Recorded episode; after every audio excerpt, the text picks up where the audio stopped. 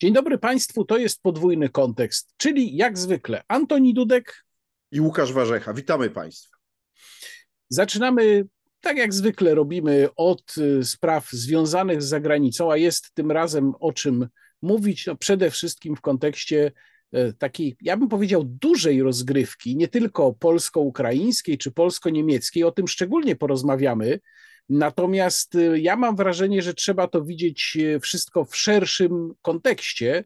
I tutaj polecam Państwu mój tekst. Przepraszam za taką autoreklamę, ale myślę, że w naszym programie możemy trochę takiej autoreklamy pouprawiać.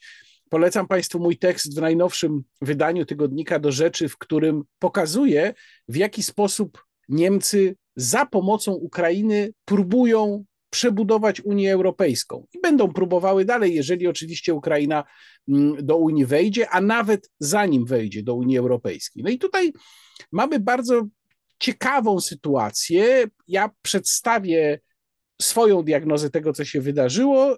I jestem ciekaw, czy się ze mną zgodzisz, czy, czy tak jak to często bywa w temacie ukraińskim, nie będziemy się zgadzać. Pierwsza rzecz jest taka, że no, mo mogę powiedzieć, że mam trochę poczucia satysfakcji, ponieważ to, co się dzieje w tej chwili, przewidywałem. E, mówiłem o tym, że to się tak skończy, jeżeli będziemy kompletnie bezrefleksyjnie wspierać Ukrainę, nie stawiając w żadnym momencie żadnych warunków.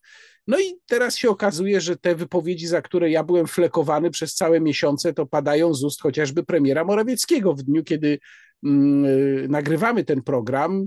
E, widzę, że pan premier tam mówi o tym, że nie pozwolił e, e, nikomu obrażać Polaków, mając na myśli prezydenta Zełeńskiego.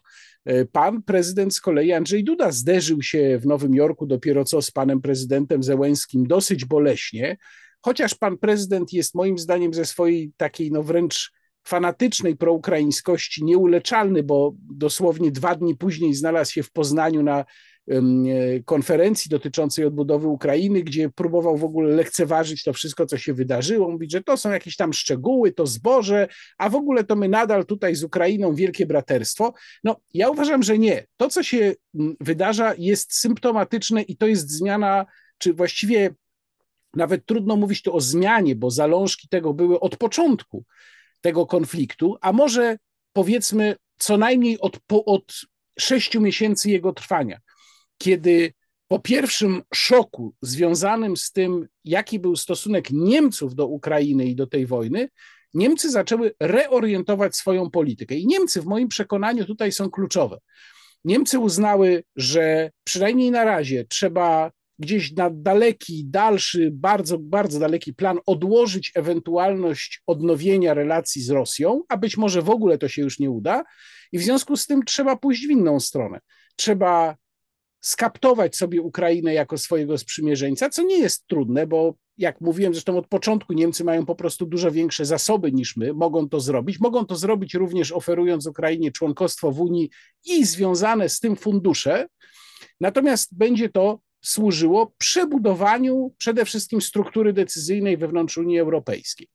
I ta zmiana, znaczy zmiana z punktu widzenia tych, którzy nie zdawali sobie sprawy, że coś takiego się może wydarzyć, no jest może szokiem, natomiast wszystkie te rzeczy, które my widzimy, te symptomy, te wypowiedzi prezydenta Zełeńskiego, te groźby arbitrażu w sprawie zboża, wszystkie te rzeczy są już tylko pokłosiem tej, y, tego manewru strategicznego, a my tak naprawdę nie mamy na niego żadnej odpowiedzi.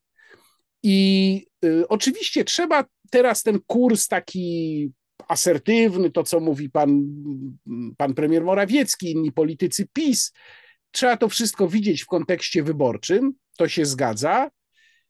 Dla mnie jedno pytanie jest kluczowe.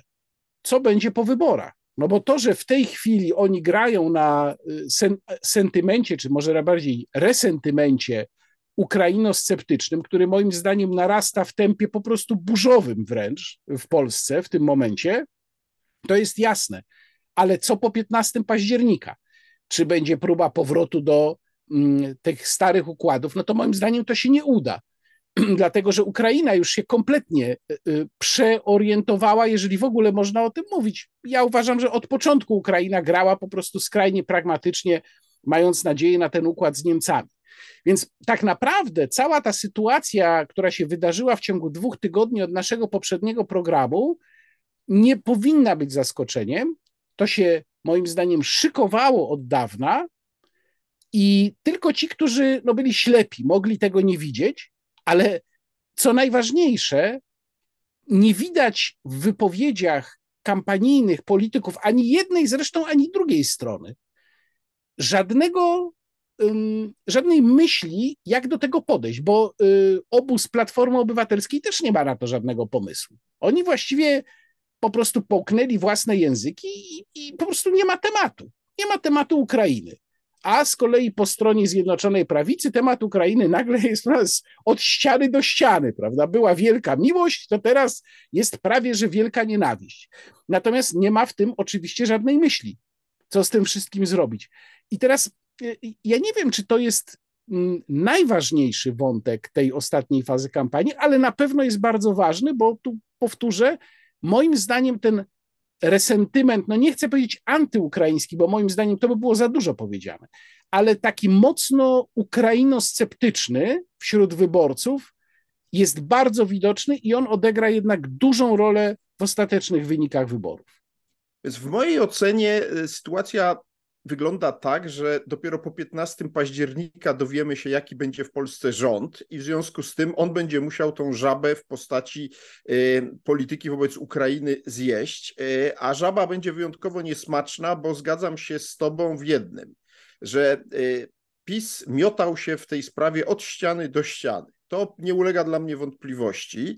I to miotanie się zaczęło się zresztą przed 24 lutego, e, kiedy ubiegłego roku, kiedy rząd PiSu był no, mocno krytyczny wobec władz ukraińskich. Tam rzeczywiście kwestie historyczne odgrywały e, bardzo mocną rolę, po czym po 24 lutego PiS skręcił właśnie w kierunku skrajnie proukraińskim, a teraz znowu prezes Kaczyński zarządził zwrot w kolejną stronę, znowu jakby wracając do korzeni swojej polityki wobec Ukrainy. Z czego się to bierze? No oczywiście z kryzysu związanego z y, ukraińskim zbożem, y, bo to jest główny powód y, i to jest dla mnie kolejny dowód, cała ta historia tych gwałtownych zwrotów, potwierdzająca tezę, którą nie tylko ja sformułowałem, ale wielu ją głosiło, ale ja ją całkowicie podzielam. Dla Jarosława Kaczyńskiego polityka zagraniczna była, jest i będzie zakładnikiem polityki wewnętrznej. Czyli ilekroć dostrzega szansę, żeby w polityce wewnętrznej coś ugrać na jakimś takim czy innym zwrocie, w polityce zagranicznej, natychmiast to wykonuje.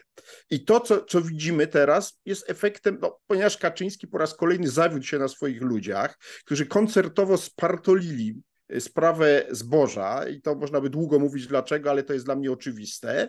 Ocknął się y, gdzieś w okolicach y, przedwakacyjnych, kiedy Tusk zaczął o tym mówić i bardzo wyraźnie tym grać, że coś się tu złego dzieje. W związku z tym nastąpiły gwałtowne ruchy w stylu Kaczyńskiego stylu Kaczyńskiego, który właśnie tak działa. E, I cały ten zwrot, moim zdaniem, jest dla Polski szkodliwy, bo my e, nic tym bardziej nie ugramy tak gwałtownym zwrotem w kierunku teraz antyukraińskim. I tu, i tu, ma, tu jest różnica między nami, bo ty uważasz, że jeżeli my teraz zaczniemy twardziej wobec Ukraińców e, postępować, to my na tym skorzystamy. No tylko ja nie wiem, co skorzystamy, na czym skorzystamy. No, dla mnie myślenie w kategoriach, powiedziałbym takich, że najpierw Ukraińcom dajemy wszystko, bezwarunkowo, a później już nie dajemy nic i, i, i idźcie na drzewo, jest szaleństwem zupełnie. Tak się nie prowadzi polityki zagranicznej. Natomiast co do tego, co mówiłeś o Niemcach, to zgoda. No, ja od dłuższego czasu uważałem, że Niemcy reorientują swoją politykę zagraniczną. Oni rzeczywiście uznali, że kierunek rosyjski się e, e, okazał błędny i w tej chwili rzeczywiście szukają możliwości zaistnienia na Ukrainie i zaistnieją, bo mają większy potencjał. Czy to znaczy, że Polska jest tam już przegrana i my nic nie możemy? No, ja bym się nie zgodził, że my z kolei nie mamy żadnych atutów. Jednak moim zdaniem są pewne atuty polskie, e, jeśli chodzi o politykę wobec Ukrainy. E, mamy tam całkiem sporo przedsiębiorców, którzy tam działają. E, mamy mnóstwo kontaktów międzyludzkich, tylko trzeba po prostu zacząć tą politykę prowadzić w sposób spokojny, przemyślany, racjonalny, a nie miotać się tak, jak to robi Prawo i Sprawiedliwość. Czy ich ewentualnie pani następcy będą do tego zdolni. No Donald Tusk też nie robi na mnie wrażenia kogoś, kto ma, i tu się z tobą zgodzę, pomysł, co z tym zrobić. On ma generalnie taki pomysł, że to Unia Europejska za nas załatwi, trzeba się tylko, prawda, zgodzić z władzami Unii Europejskiej i wszystko będzie dobrze. No więc oczywiście to jest bajka, tylko problem polega na tym, że my dzisiaj w Polsce się miotamy między dwoma fałszywymi narracjami. Wątek ukraiński jest to tylko jednym z e, e, wielu e, wątków tej opowieści, a czy między bajką PiSu a bajką Koalicji Obywatelskiej, bo te dwie siły dominują. Ja tak obserwuję te ich narracje w związku z kampanią nie tylko na odcinku ukraińskich i mam wrażenie, że tutaj po prostu rzeczywiście nie ma żadnej głębszej myśli, jak tą polską politykę zagraniczną prowadzić nie tylko na odcinku ukraińskim, bo jak patrzę też na to, co się dzieje na odcinku niemieckim, no to też widać wyraźnie, że PiS po prostu w tej chwili dostał wiatru w żagle, bo afera wizowa jednak nie przygasła, więc jest wpadł w panikę. Moim zdaniem generalnie w PiSie jest gigantyczna panika spowodowana tą aferą i pomysł na to jest taki, że trzeba to zakrzyczeć, zabrzeszczeć. Jak wiesz, jeżeli kogoś się złapie na czymś bardzo niesympatycznym, to ludzie bardzo różnie reagują. Otóż PiS należy do tych, którzy reagują wrzaskiem i mówieniem to nie moja ręka to nie moja ręka, to ręka wszystkich, tylko nie moja.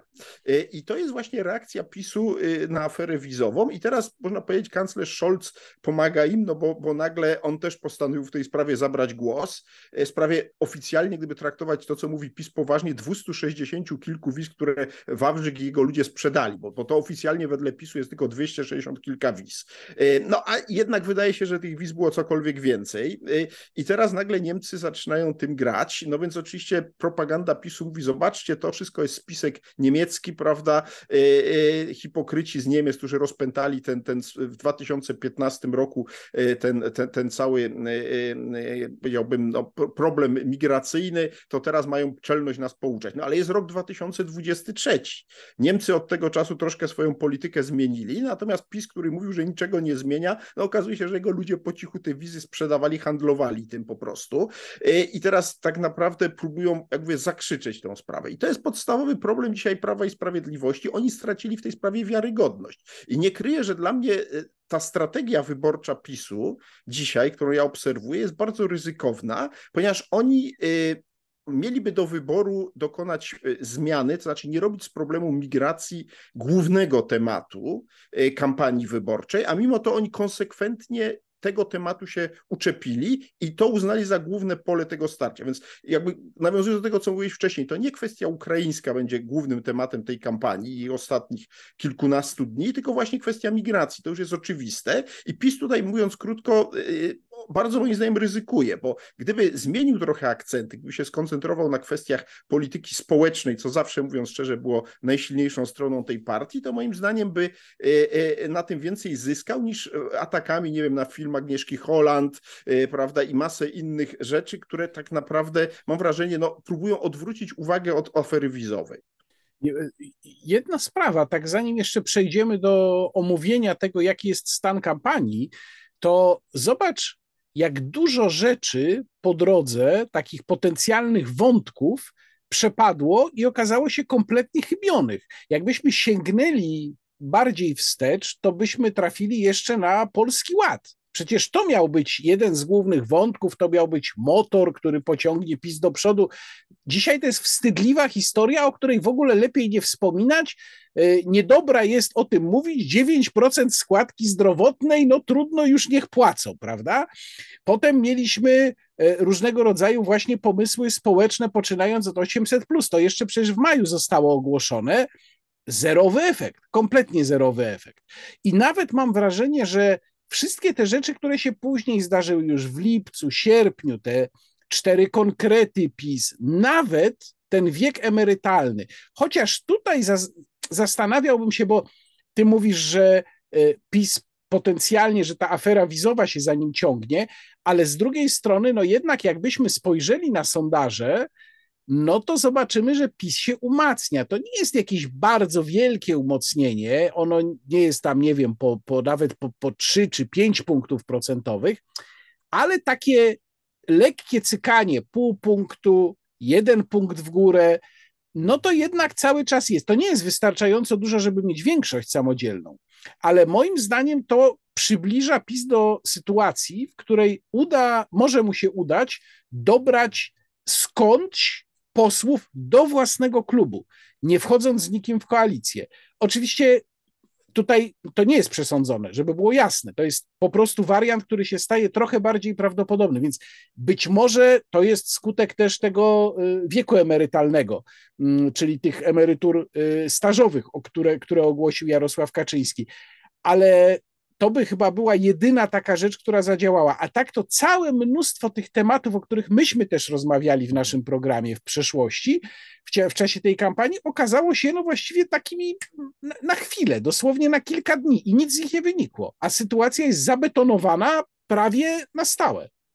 No więc właśnie, zwróć uwagę, sam to przyznałeś, że e, PiS mógłby mówić przede wszystkim o emeryturach stażowych, o 800 plus i o jeszcze wielu innych, o 14 emeryturze i dopiero gdzieś na końcu powiedzieć, no i poza tym ten Tusk by tych migrantów wam wpuścił, a poza tym PiS by wam, Tusk wam wszystko zabrał, co my wam dajemy. Tymczasem ta retoryka została kompletnie przesłonięta przez taki histeryczny wrzask w sprawie migrantów.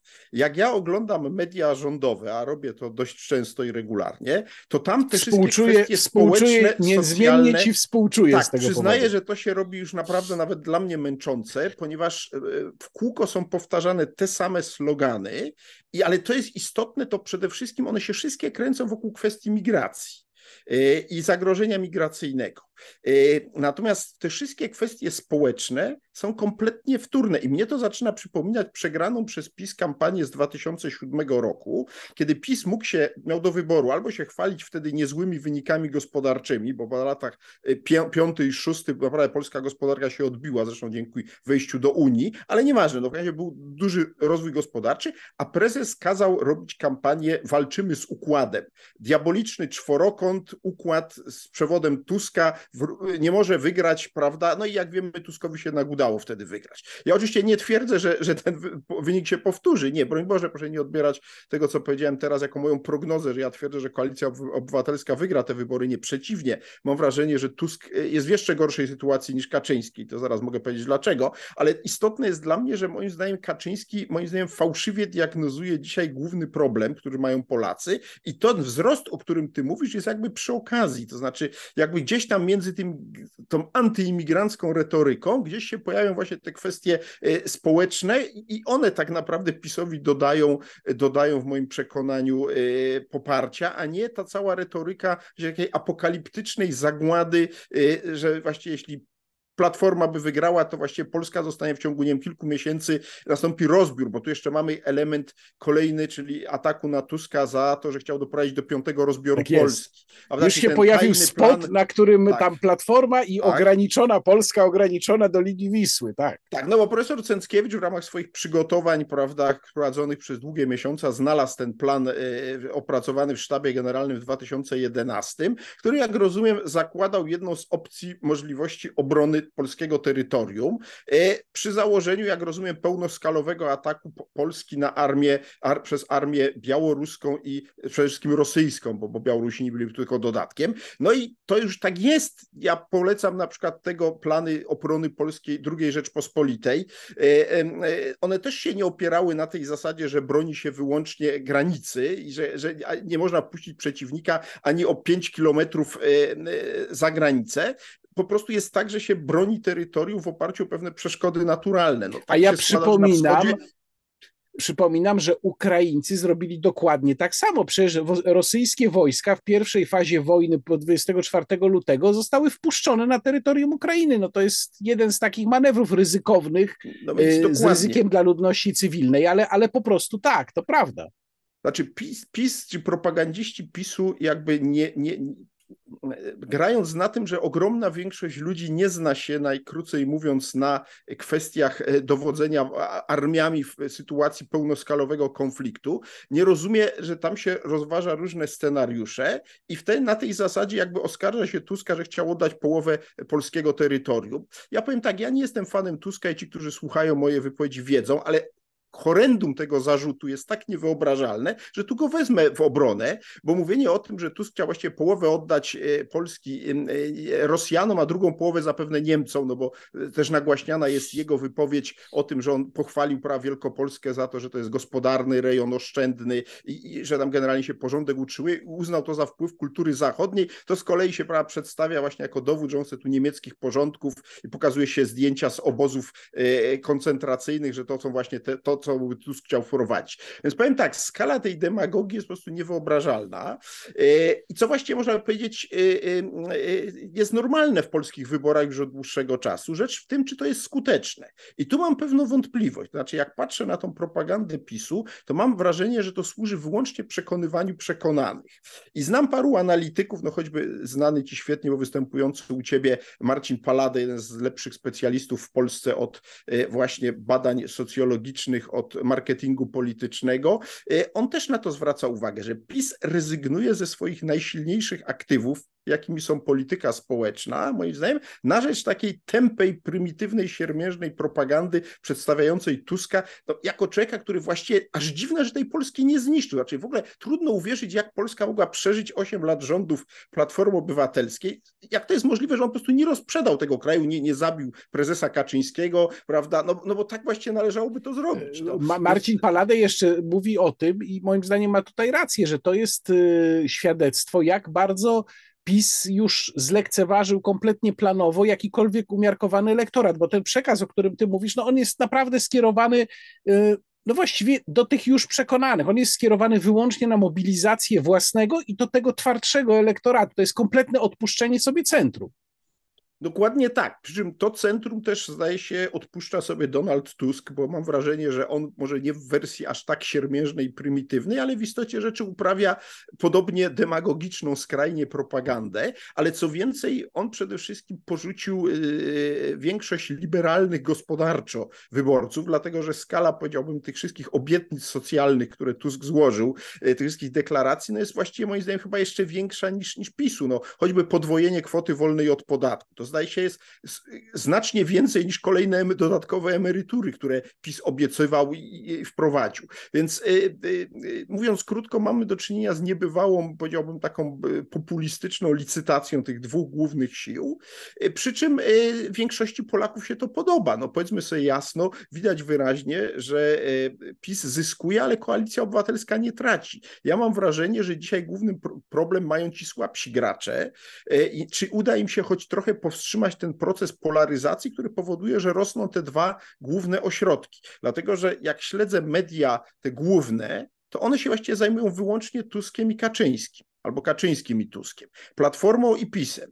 Cała reszta e, uczestników tych wyborów jest gdzieś kompletnie na marginesie, gdzieś na, na trzecim, nawet nie na drugim, ale na trzecim planie. I teraz jest pytanie, czy internet, który jest tutaj najmniej sterowalny, zrekompensuje tym słabszym graczom, e, no właśnie e, to, to, to, że w tych głównych mediach, mówię o stacjach telewizyjnych, portalach internetowych, tam właściwie jest totalna koncentracja na, na właśnie tych dwóch dwóch głównych formacjach i to zresztą nie jest nic nowego, bo to jest, ja to zawsze nazywam mechanizmem pojedynku bokserskiego. On występuje i przy wyborach prezydenckich i się powtarza także przy wyborach parlamentarnych, że media sobie wybierają tych dwóch głównych graczy, na nich się koncentrują, w efekcie ich sondaże e, pompują w górę, no i tak jest w tej chwili właśnie między Koalicją Obywatelską a PiSem. Oni łącznie mają w w zależności od sondażu plus minus 60% wszystkich głosów, więc po co się zajmować całą resztą? I cała reszta w efekcie czego moim zdaniem traci coraz bardziej zainteresowanie wielu wyborców i moim zdaniem jedyną szansą dla tych ugrupowań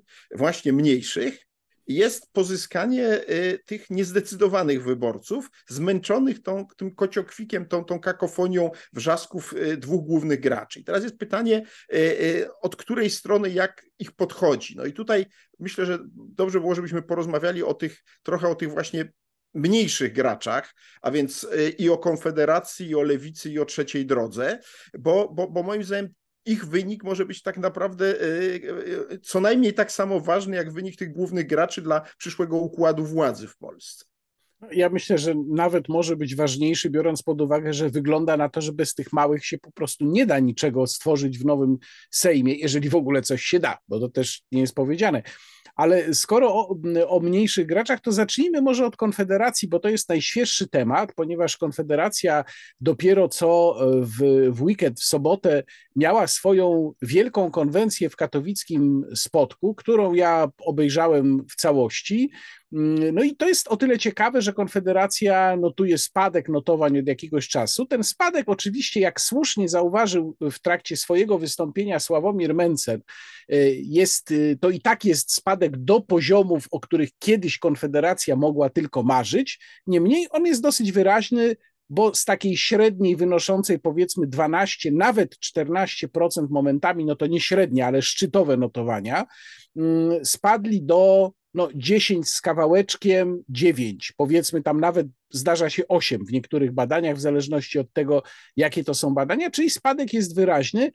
I zastanawiam się, co o nim przede wszystkim decyduje, bo na pewno częściowo to, o, o, czym ty powiedziałeś, czyli ta koncentracja na dwóch głównych graczach, tu nie ma żadnych wątpliwości, że część wyborców, którzy przeszli czasowo do Konfederacji i tak się przedstawiali w badaniach, wróciła do Prawa i Sprawiedliwości z różnych powodów.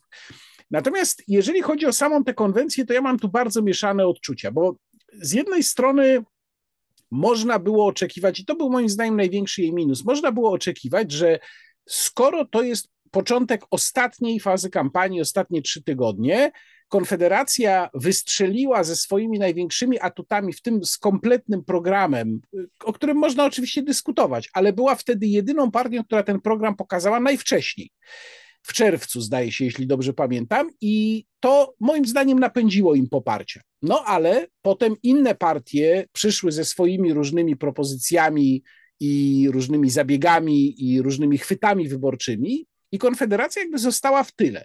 Ja się zastanawiałem przed tą konwencją, czy oni coś pokażą, bo moim zdaniem logicznie, z takiej pragmatyki politycznej wynikałoby, że na ten ostatni etap powinni mieć coś schowane jeden jakiś pomysł, nie wiem, dwa, być może coś wziętego z tego programu, co postawią na pierwszym miejscu, powiedzą, to jest dla nas najważniejsze i będziemy się starali, żeby to właśnie zostało zrealizowane.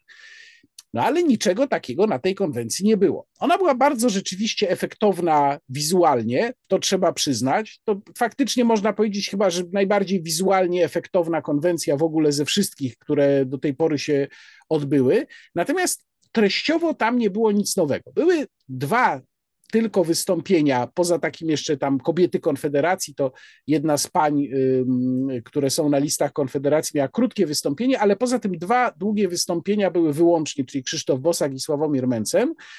Bardzo rzeczywiście takie mobilizujące, Dobry był chwyt Mencena, który przypomniał historię różnych ugrupowań wcześniejszych, które albo źle skończyły, albo które właśnie wychodziły od niskiego stanu posiadania i się wspięły wysoko, i tu sugerował, że to może być też e, los Konfederacji w przyszłości.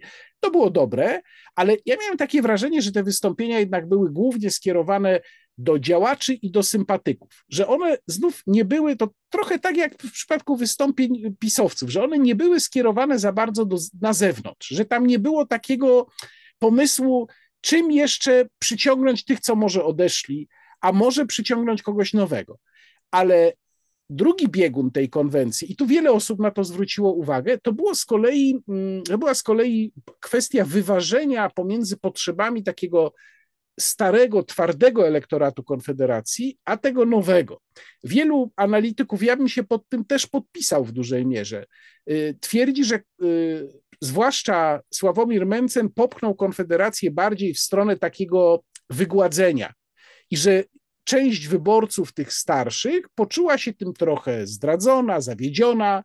No i tutaj mamy postać Grzegorza Brauna, bo Grzegorz Braun jest symbolem tej właśnie takiej starej konfederacji, z tych takich czasów jeszcze pewnego takiego szaleństwa czy wariactwa, to znów się odwołuje trochę do tego, co Sławomir Mencen tam mówił, bo on mówił, być, być może jesteśmy trochę wariatami. Moim zdaniem nawiązywał też tutaj wprost do Grzegorza Brauna.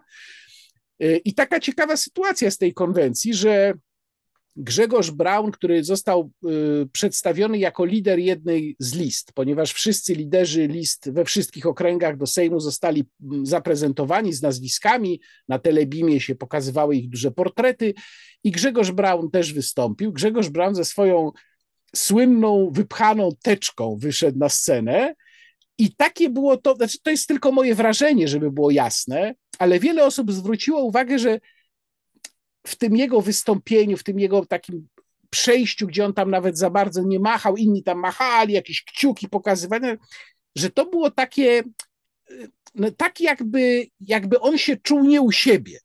Ja takie wrażenie odniosłem. Y, wiele osób widziałem po komentarzach, też to podobnie odebrało.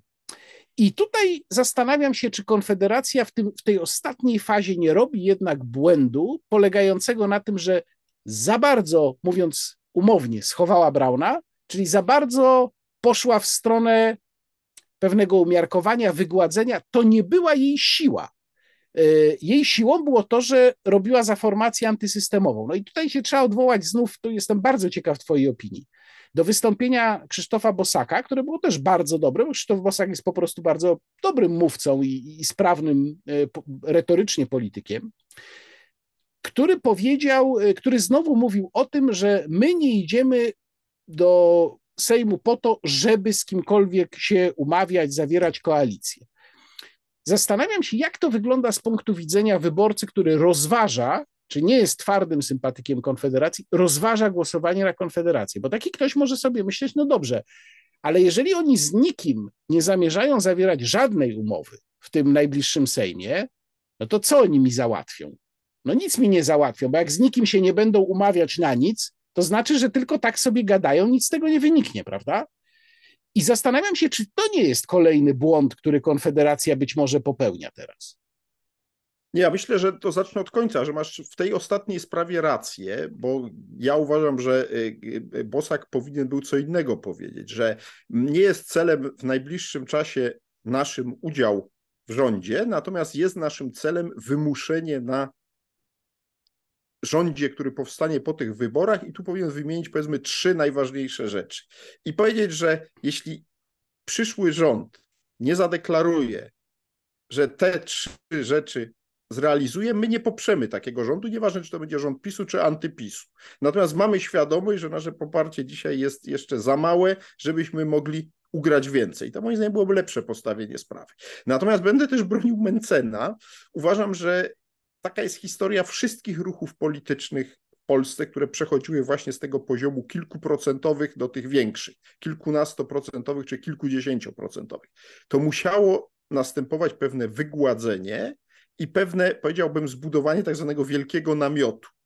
Można powiedzieć, że naj, naj, najlepiej to, najmniejszym kosztem się to udało prezesowi Kaczyńskiemu, ale jednak i on zapłacił tu pewną cenę. Jak na przykład teraz analizowałem cały przebieg historii e, pod rządami PiSu kwestii związanych, e, no, najkrócej mówiąc, z kwestią aborcji, to widać, jak długo prezes Kaczyński się bronił, nie chciał w ogóle ruszać tej sprawy, ale w końcu nacisk tego skrzydła obrońców życia wewnątrz PiSu był na niego tak silny, że w końcu dał zielone światło pani Przyłębskiej, był ten wyrok Trybunału, który de facto zaostrzył przepisy aborcyjne w Polsce.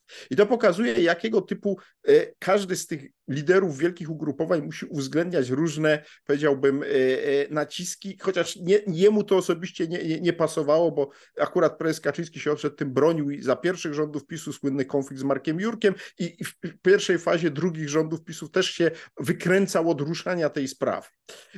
Ale wracam do Mencena i do Konfederacji. Otóż ja dzisiaj uważam, że dla nich jednak największym problemem jest kwestia kobieca i w tym kontekście znowu, ja mówiłem to tu wielokrotnie i teraz mam już konkretny dowód, mówiłem, że e, największym problemem Konfederacji w ostatniej fazie przed wyborami będą występy albo e, Grzegorza Brauna, albo Janusza Korwina-Mikke, no to padło na Korwina-Mikke. Jedna z głównych stacji, czyli TVN, pokazała dosłownie kilka dni temu występ Janusza Korwina-Mikke na spotkaniu chyba fundacji, która się nazywa Patriarchat.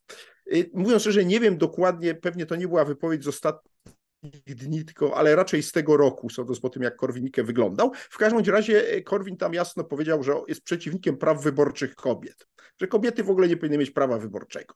No i to jest wypowiedź, która powiedzmy sobie szczerze, jest ciosem w przekaz Konfederacji, ponieważ no, nawet te kobiety, które e, są skłonne głosować na tą partię, się chwilę zastanawiają zaraz, zaraz. To znaczy, ten ojciec założyciel, co tam go fetują, to on by nam chciał zabrać prawa wyborcze, to może coś jest nie halo z tutaj, tą partią. Tutaj, tutaj wejdę w słowo, dlatego że w tym kontekście, dokładnie w kontekście tej wypowiedzi, zupełnie czytelne staje się, dlaczego jedynym akcentem na tej konwencji, wykraczającym poza wystąpienia dwóch liderów, był rozdział pod tytułem Kobiety Konfederacji. Specjalnie zostały pokazane panie, które kandydują, zostały zaproszone na scenę. Jedna z nich miała to swoje krótkie wystąpienie. Był spot taki na tych wielkich telebimach, y, właśnie też kobiety Konfederacji.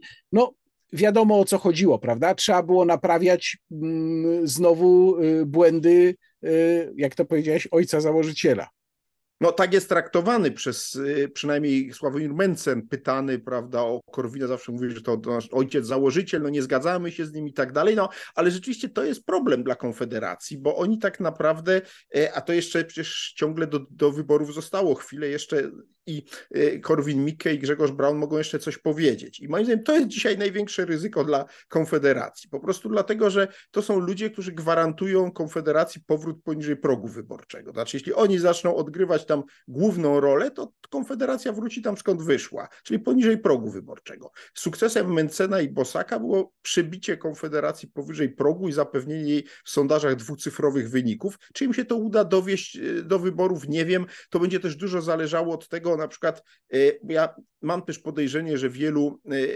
ludzi, którzy no, kiedyś popierali PiS, zniechęciło się do PiSu w tej fazie proukraińskiej PiSu i teraz pytanie, i oni przeszli do Konfederacji. Teraz jest pytanie, czy właśnie ci e, e, krytyczni wobec e, polityki PiSu, wobec Ukrainy, tą nową wersję tej polityki, która jest też bardzo krytyczna, kupią i wrócą do PiSu, prawda? Bo ja spodziewam się, że tutaj prezes Kaczyński do, dociśnie ten pedał gazu do końca i usłyszymy jeszcze no, bardzo wiele ostrych z jego ust wypowiedzi dotyczących Ukrainy. No to jest y, y, dosyć zabawne, jak się tego słucha, jak się tego słucha, bo ja oczywiście od razu mam przed oczami wszystkie te stwierdzenia, czy to Stanisława Żaryna, czy mojego ulubionego wiceministra Pawła Jabłońskiego, którzy tam tropili te ruskie onuce, a teraz powinni tropić Jarosława Kaczyńskiego i Mateusza Morawieckiego, bo oni mówią dokładnie to samo, ale, ale wiesz... w jednej rzeczy... W, jedne, tak w jednej rzeczy jeszcze wejdę, wejdę z tobą w polemikę, to znaczy ja bym nie stawiał z punktu widzenia oczywiście czystej takiej pragmatyki politycznej, ja bym nie stawiał na jednym poziomie Janusza Korwin-Mikkego i Grzegorza Brauna. Janusz Korwin-Mikke, on rzeczywiście moim zdaniem jest w tym momencie już passé, jest liderem jednej z list cały czas, dostał duże bardzo oklaski, ale moim zdaniem w dużej mierze z sentymentu po prostu, a nie dlatego, że było, że było co oklaskiwać. Natomiast on jakby nie wnosi już żadnej wartości dodanej. Grzegorz Braun moim zdaniem wnosi, bo Grzegorz Braun, mimo swoich różnych rzeczywiście bardzo kontrowersyjnych, skrajnych wypowiedzi, obsługuje ten taki rdzeń konfederackich wyborców. On ma na koncie po pierwsze bardzo aktywny sprzeciw wobec y, reżimu covidowego i to mu wielu ludzi bardzo pamięta, że on tam faktycznie interweniował, że on prześladował wręcz tego ministra Niedzielskiego. On działał. Tego Korwin-Mikke nie robił. I druga sprawa, on też w momencie, kiedy Konfederacja trochę jakby nie wyczuła na początku wojny społecznych mm, nastrojów, nie jakby, tylko nie wyczuła po prostu i poszła kursem y, mocno, no powiedzmy, ukrainosceptycznym, to też Grzegorz Braun tutaj grał pierwsze skrzypce. Dzisiaj y, wiele z tych rzeczy no już można powiedzieć, jest w głównym nurcie, które on wtedy mówił.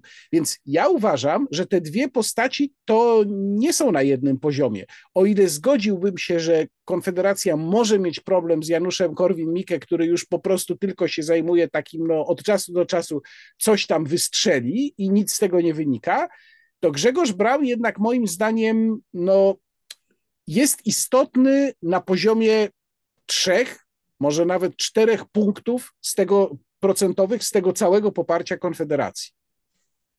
To ja tego nie kwestionuję, natomiast problem polega na czym innym, bo ty mówisz o dwóch różnych rzeczach. No, przede wszystkim Brown jest o kilkadziesiąt lat młodszy od Korwina Mikke, więc będzie hipotetycznie w polskiej polityce jeszcze bardzo długo. Korwin-Mikke już kończy powoli swoją misję jako polityk, to jest oczywiste. Natomiast i w tym sensie on rzeczywiście już wiele nie zdziała, ale jednak przez te kilkanaście dni także Grzegorz Braun może hipotetycznie e, zaszkodzić Konfederacji, jeśli wpadnie na przykład na pomysł, żeby powtórzyć akcję, którą urządził kilka tygodni temu w niemieckim Instytucie Historycznym, gdzie jak przypomnę, e, e, uniemożliwił wykład profesora Grabowskiego, e, no, stosując metody, które się moim zdaniem umiarkowanym zwolennikom Konfederacji nie będą podobały. Jeśli wpadnie na podobny pomysł, żeby się udać na przykład teraz do ambasady niemieckiej, żeby zaprotestować przeciwko ingerencji kanclerza Scholza w polskie sprawy, bo już w tej chwili przecież minister Rau wydał takie oświadczenie, doświadczenie, już prężymy, prężymy muskuły przeciwko Berlinowi, no to może Grzegorz Braun uzna, że to nie wystarczy tak po prostu wysyłać jakieś tam noty, trzeba i zamanifestować, że Niemcy nie będą nam pluli w twarz w sprawach migracji, to ja myślę, że taki występ może naprawdę zaszkodzić e, Konfederacji. Ale tak jak mówię, e, czas pokaże i nie twierdzę, że tak będzie, natomiast uważam, że e,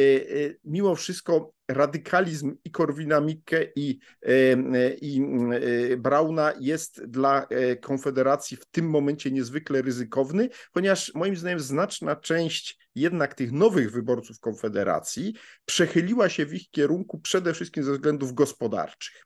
I jakby przymykała oczy na te różne radykalizmy ideologiczne, ponieważ przede wszystkim jakby zobaczyli, poczuli się zdradzeni przez koalicję obywatelską, która rzeczywiście no, przejęła kompletnie, zaczęła się licytować z pisem na te populistyczne hasła i wielu ludzi, no, którzy y, rozumują w kategoriach liberalizmu gospodarczego, nagle zostało osieroconych i mają do wyboru właściwie tylko Konfederację. W pewnym zakresie próbuje to, ale mizernie i mało wyraźnie to, ten komunikat też przejmować trzecia droga. I teraz pora, myślę, żebyśmy króciutko o trzeciej drodze powiedzieli. Mam wrażenie, że trzecia droga się jednak kompletnie zagubiła, że e, Kosiniak z e, Hołownią jakby nie mają kompletnie żadnego pomysłu. Znaczy próbują, e, mam wrażenie, oczywiście się jakoś odróżnić od Tuska, ale właściwie jedyne, co się przebiło, to to, że odmówili udziału w marszu 1 października, myślę, że to jest też ważne wydarzenie, o którym musimy powiedzieć, bo gdybym ja miał dzisiaj wymienić jedno wydarzenie, które jest przewidywalne do 15 października, które może zmienić nieco układ sił e, między tymi głównymi graczami, to jest oczywiście Marsz 1 października, który albo będzie klapą e, Tuska frekwencyjną i wtedy e, no, siłą rzeczy notowania koalicji obywatelskiej spadną, albo też będzie ich sukcesem i wtedy notowania koalicji obywatelskiej wzrosną. No a teraz pytanie, czyim kosztem? No nie kosztem PiSu, tylko kosztem zapewne trzeciej drogi. I z tego punktu widzenia uważam, że Kosiniak z y, Hołownią popełnili błąd, jako pierwsi mówiąc, że oni nie wezmą udziału w marszu Tuska. Jeszcze zanim Tusk właściwie potwierdzał, nie chcecie, to nie ma sprawy. Znaczy, yy, inaczej mówiąc, Tuskowi jest to na rękę, że oni nie chcieli tam brać udziału, ale że wzięli na siebie odpowiedzialność za to, że ich tam nie będzie, to tym lepiej z punktu widzenia Tuska. Natomiast oni moim zdaniem stracili, zrobili błąd, bo oni powinni się tam pokazać, dlatego że powiedzmy sobie jasno, no, wszyscy ludzie, którzy będą głosowali na koalicję obywatelską, trzecią drogę czy lewicę w tych wyborach, zakładają, że jeśli te trzy formacje łącznie będą miały większość w Sejmie, to stworzą rząd. Więc y, demonstracyjne nieuczestniczenie we wspólnej imprezie e, e, na 15 dni przed wyborami jest pokazywaniem tym wszystkim ludziom, że my właściwie nie wierzymy, że my stworzymy wspólny rząd. E, my nie masz, przepraszam, Antonia, nie masz takiego wrażenia, nie masz takiego wrażenia, że oni trochę próbują naprawić swój błąd? No pytanie, czy to rzeczywiście jest naprawa, ale że próbują naprawić swój błąd y, z tego poprzedniego marszu, kiedy byli na tym marszu i zostali przez Tuska ostentacyjnie spostponowani. Zostali tam gdzieś w ogóle przesunięci, nie udzielono im głosu, gdzieś tam ich wypchnięto na margines zupełnie. No i mam wrażenie, że oni pamiętają o tym i nie chcą, tylko, żeby doszło do powtórki z tego. Tylko pamiętaj, że to poprzedziło jeszcze deklarację Hołowni przed 4 czerwca, że on w ogóle nie weźmie udziału w tym marszu. On później zmieniał zdanie, bo problem polega na tym, bo tu pora źródłem jest Hołownia. Kosiniak jest jakby skazany trochę na Hołownię, ale mam wrażenie, że w tej sprawie najwięcej Hołownia ma do powiedzenia. Otóż e, e, e, moim zdaniem Hołownia teraz próbuje odwrócić błąd, który popełnił w momencie, jak Tusk wrócił do polskiej polityki. Ja to już mówiłem w tym programie, ale powtórzę to po raz kolejny. Błąd polegał na tym, że w momencie, w którym Tusk wrócił do polskiej polityki, a przypomnę, to było w czasach, kiedy ruch Hołowni miał niemal takie duże poparcie, jak słabnąca ogromnie pod przewodem Borysa Budki Platforma Obywatelska, Hołownia powinien zawiesić w ogóle wszelkie ataki na Prawo i Sprawiedliwość i zająć się wyłącznie permanentnym atakowaniem Donalda Tuska jako ogromnego obciążenia dla całej opozycji. Z racji właśnie, i tu powinna być krytyka rządów Tuska, e, tylko nie w wersji pisowskiej, prawda, zdrady, piątego rozbioru i tych wszystkich aberracji, tylko punkt po punkcie pokazywać spokojnie nieudolność, błędy, zaniechania rządów Tuska. Tymczasem Hołownia przespał to, ocknął się dopiero na początku tego roku i zaczyna w tej chwili próbował się odróżnić od Tuska, to już było za późno.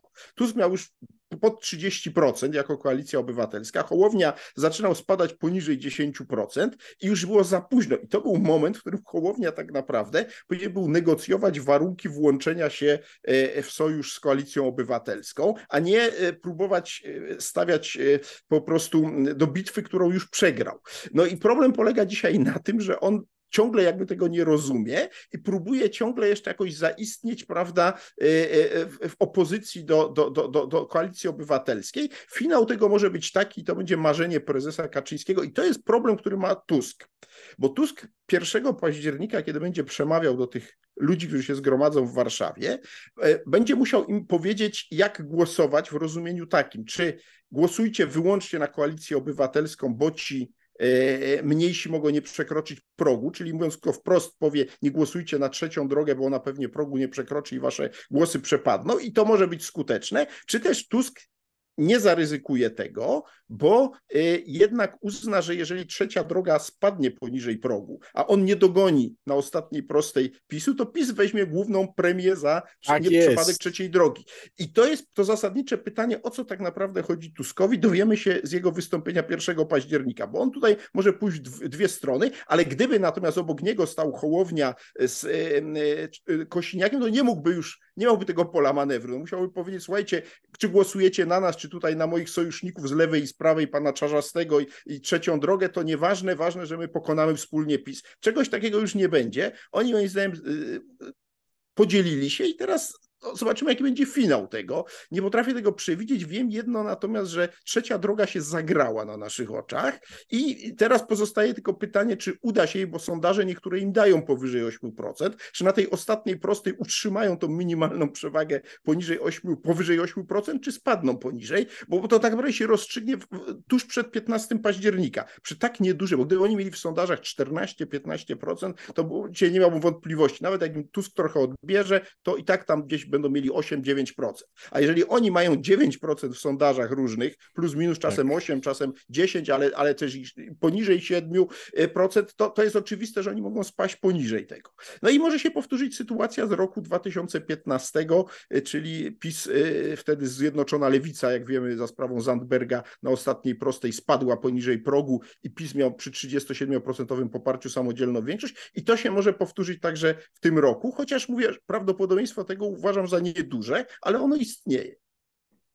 No tak, to jeszcze zostaje nam y, lewica, która też w niektórych sondażach, były takie pojedyncze sondaże, w których lewica nie przekraczała progu 5%. Generalnie rzecz biorąc, no, zdarzają się też takie, w których ona jest powyżej 10, więc to też tak. dużo nam mówi na temat tego, jak w ogóle są robione sondaże w Polsce. To jest zupełnie inne zagadnienie. Natomiast y, ja się zastanawiam nad tą strategią lewicy, która rzeczywiście poszła bardzo mocno radykalnie, i to ja mam cały czas wrażenie, że w jej przekazie sprawy społeczne zostały kompletnie prawie odpuszczone. No tak jakby uznała, że nie ma co tutaj rywalizować z prawem i sprawiedliwością. Mm, I postawiono na dosyć radykalne podejście lewicowe, na które moim zdaniem jednak w Polsce klientela jest bardzo ograniczona. Zastanawiam się, czy to będzie skuteczne i czy w ogóle lewica w sondażach nie jest przeszacowana. Nie, to ja takim pesymistą dla lewicy nie jestem. Ja uważam, że oni swoje 5% y, będą mieli, dlatego że y, ja mam też wrażenie, że zwłaszcza w kwestii praw kobiet to jest coś, co y, może im dodać trochę głosów. Oczywiście nie na, tak, żeby stać się nagle znaczącym graczem. Natomiast uważam, że lewica ma gwarantowane 5%, podobnie jak trzecia droga na pewno przekroczy 5%, ale czy przekroczy 8%? Ale czy przekroczy 8%, tak. I to jest ta zasadnicza różnica i to był też kolejny jeszcze błąd Hołowni, który się uparł, żeby nie iść z list PSL-u na 5%, tylko koniecznie jako koalicja. To kończąc błędy Hołowni, które tu dzisiaj pracowicie wyliczałem. Natomiast jeśli chodzi o lewicę, to mam wrażenie, że oni rzeczywiście odpuścili, ale prawda jest też taka, że oni nie mieli większego pola manewru, bo gdyby oni zaczęli się licytować z PiSem na kwestie społeczne i tak nie mieliby wystarczającego poziomu wiarygodności. Oni raczej, e, oni się koncentrują na swoich tradycyjnych hasłach, czyli prawda, antyklerykalnych, właśnie prawa kobiet, prawa mniejszości seksualnych i to jest coś, co moim zdaniem daje im bezpiecznie nieco powyżej 5%. Oni będą mieli inny problem, gdyby e, e, rzeczywiście w przyszłości miał powstać rząd niepisowskiej opozycji, to rzeczywiście będzie problem, czy oni do takiego rządu rzeczywiście będą chcieli wejść, czy się zmieszczą, z racji tego swojego radykalizmu w wielu sprawach. No a ten rząd musiał, będzie, będzie musiał prowadzić jakąś politykę na przykład wobec Kościoła, czy, czy, czy właśnie dotyczącej kwestii aborcji i tak dalej. I to będzie pewnie duży problem, no ale to po wyborach, o ile oczywiście e, e, rzeczywiście pojawi się taka perspektywa niepisowskiego rządu, na dziś ja się wstrzymuję ciągle z prognozami. Myślę, że nasz ostatni przed wyborami program e, no, będzie tuż przed wyborami, wtedy, wtedy zaryzykujemy, myślę, nasze prognozy co do tego, kto ile może ugrać. Ja na razie mam takie poczucie, że ciągle ciągle uważam scenariusz, e, że nikt nie ma samodzielnej większości za najbardziej prawdopodobny i to daje oczywiście ogromne szanse z Konfederacji na stanie się owym języczkiem uwagi. E, co oczywiście e, może się też okazać złudzeniem w zależności od tego, bo języczek uwagi, jak wiemy, może być mały i duży. Więc mówiąc krótko, im e, tym języczkiem będzie większym Konfederacja, tym będzie większa szansa, że przetrwa w tej roli, a jeśli będzie języczkiem małym, to może bardzo szybko przestać istnieć. Y, to jest taka moja prognoza, jeszcze może y, już się pośpieszyłem, bo właśnie powinienem był to powiedzieć za dwa tygodnie, ale może przez te dwa tygodnie wydarzy się coś, co sprawi, że uznamy, że ten wynik wyborów już jest w jakąś stronę przesądzony. Moim zdaniem na dziś, a rozmawiamy, przypomnę, w poniedziałek 25 września wieczorem, nie jest wynik wyborów absolutnie przesądzony i pozostaje mi tylko e, poprosić wszystkich do, o to, żeby w tych wyborach wzięli udział, bo moim zdaniem mimo wszystko warto. Ja rozumiem wątpliwości różnych ludzi co do tego, że to nic nie zmieni, że to nie ma sensu, ale ja uważam, że e, niechodzenie na wybory jest po prostu błędem, e, bo to jest po prostu niekorzystanie z prawa, z prawa którego mamy, a którego mieć niekoniecznie musimy, bo możemy w perspektywie takiej czy innej tego prawa być pozbawieni, nawet pod argumentem takim, że skoro tak wielu z niego nie korzysta, to właściwie po co to prawo y, dawać ludziom, prawda? To jest taki argument wielu przeciwników demokracji. Skoro tak wielu ludzi nie chodzi na wybory, to właściwie może ten system nie ma sensu. No widzisz, Antoni, to tu na koniec się pięknie różnimy, bo ja z kolei zawsze moim widzom, czytelnikom powtarzam, że niegłosowanie jest prawem obywatelskim i jeżeli Państwo uważają, że nie ma na kogo głosować, to mają Państwo pełne prawo nie głosować. Więc jak widać, nie jesteśmy w tej sprawie również tak, jednego zdania. Jesteśmy. A jeżeli chodzi o nasz następny program, to postanowiliśmy nagrać go rzeczywiście tuż przed wyborami i on najprawdopodobniej zostanie wyemitowany w czwartek, czyli to będzie, zaraz powiem, który października, 12, 12 października. Tak, chyba 12, tak. Tak, e, no czyli praktycznie tuż przed wyborami i na ten program właśnie Państwa już teraz zapraszamy, bo przed nami ten ostatni zupełnie okres kampanii, będziemy mogli ją podsumować wtedy w tamtym programie. A za dzisiaj już Państwu bardzo dziękujemy. To był podwójny kontekst, czyli jak zwykle Antoni Dudek, i Łukasz Warzecha. Ja serdecznie zapraszam Państwa do oglądania mojego kanału Dudego Historii. Kolejne odcinki. Od wczoraj y, można oglądać odcinek o reformach rządu Buzka, a przed wyborami będzie też e, odcinek o tym, jak wyglądały wybory w czasach PRL-u, a właściwie jak jak w istocie rzeczy nie były to wybory, tylko było to rodzaj głosowania. No i to właśnie jest dla mnie argument za tym, żeby jednak głosować, póki możemy wybierać, bo wtedy wyboru tak naprawdę nie było. Dziękujemy raz jeszcze. Do zobaczenia tuż przed wyborami. Pozdrawiamy Państwa.